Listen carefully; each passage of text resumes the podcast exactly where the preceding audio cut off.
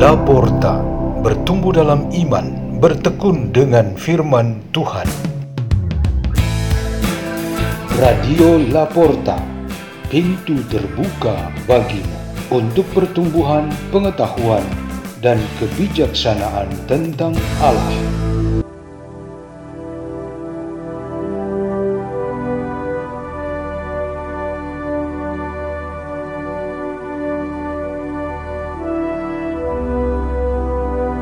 Bacaan dan Renungan Sabda Tuhan Hari Kamis, Pekan ke-9 Masa Biasa 8 Juni 2023 Dibawakan oleh Bernadette Lamatokan dari Komunitas Pukat Labuan Bajo Keuskupan Ruteng Indonesia.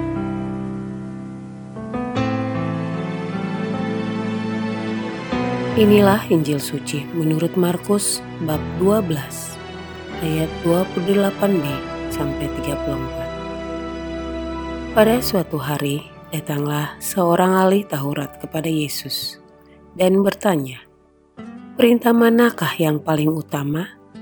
Yesus menjawab, "Perintah yang utama ialah: Dengarlah, hai orang Israel, Tuhan Allah kita itu Tuhan yang esa." Kasihanilah Tuhan Allahmu dengan segenap hati, dengan segenap jiwa, dengan segenap akal budi, dan dengan segenap kekuatanmu. Dan perintah yang kedua ialah kasihilah sesamamu seperti dirimu sendiri.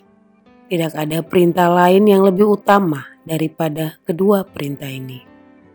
Berkatalah ahli Taurat itu kepada Yesus, Guru, Tepat sekali apa yang kau katakan, bahwa dia itu Esa dan tak ada Allah lain kecuali dia. Memang mengasihi dia dengan segenap hati, dengan segenap pengertian, dan dengan segenap kekuatan, serta mengasihi sesama manusia seperti diri sendiri jauh lebih utama daripada semua kurban bakar dan persembahan. Yesus melihat betapa bijaksananya jawaban orang itu maka ia berkata kepadanya, Engkau tidak jauh dari kerajaan Allah. Dan tak seorang pun masih berani menanyakan sesuatu kepada Yesus. Demikianlah sabda Tuhan.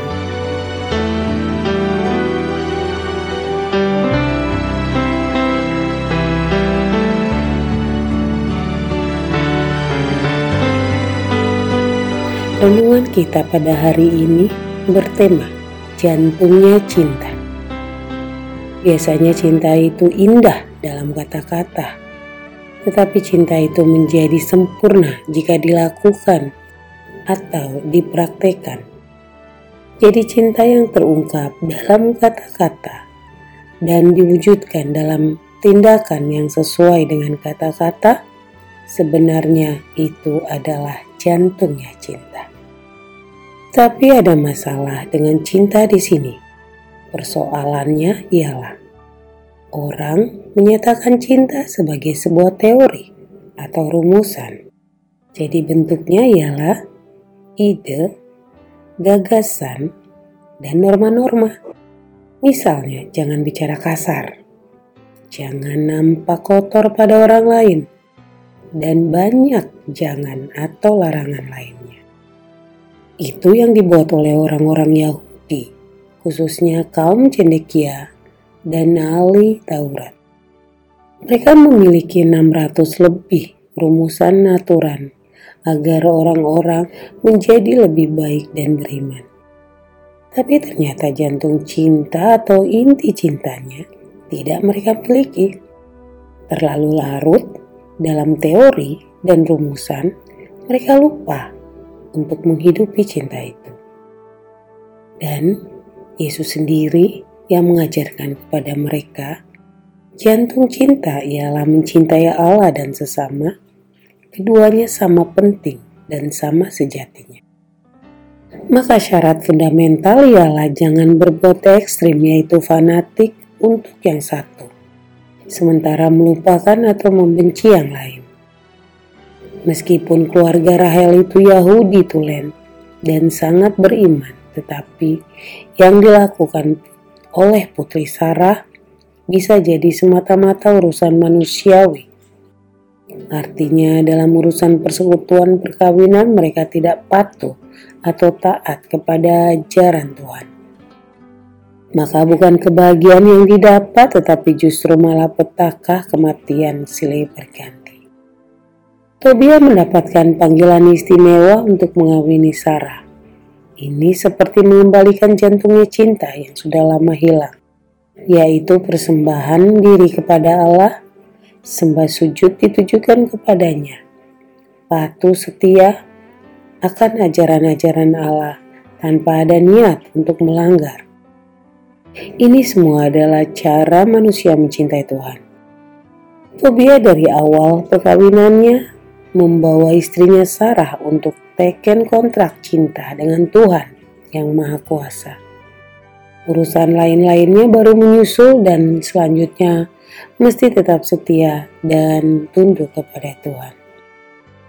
Mungkin hidup kita saat ini berlebur dalam urusan cinta berupa kata-kata, ilusi, gambar, janji, teori, rumusan, aturan, mimpi, ambisi pribadi, uang, karir, dan semua kaitan dengan kebutuhan dunia. Bisa jadi jantung cintanya, yaitu perbuatan mencintai sesama dan Tuhan yang nyata langsung dan berguna jauh dari perhitungan. Batin terasa sedang mencari jantung cinta yang kabur atau hilang. Apakah jantung cinta sekarang bersamamu atau jauh darimu? Marilah kita berdoa dalam nama Bapa, Putra, dan Roh Kudus. Ya Tuhan Yesus Kristus, semoga kami tetap dalam bimbingan rohmu dalam kesetiaan dan ketaatan, mencintai Engkau dan sesama kami. Sebab dengan demikian kami sanggup menunjukkan diri sebagai murid-muridmu yang sesungguhnya. Berkatilah kami untuk intensi ini. Kemuliaan kepada Bapa, Putra, dan Roh Kudus seperti pada permulaan sekarang selalu sepanjang segala abad. Amin. Dalam nama Bapa, Putra, dan Roh Kudus. Amin. Radio Laporta, pintu terbuka bagimu.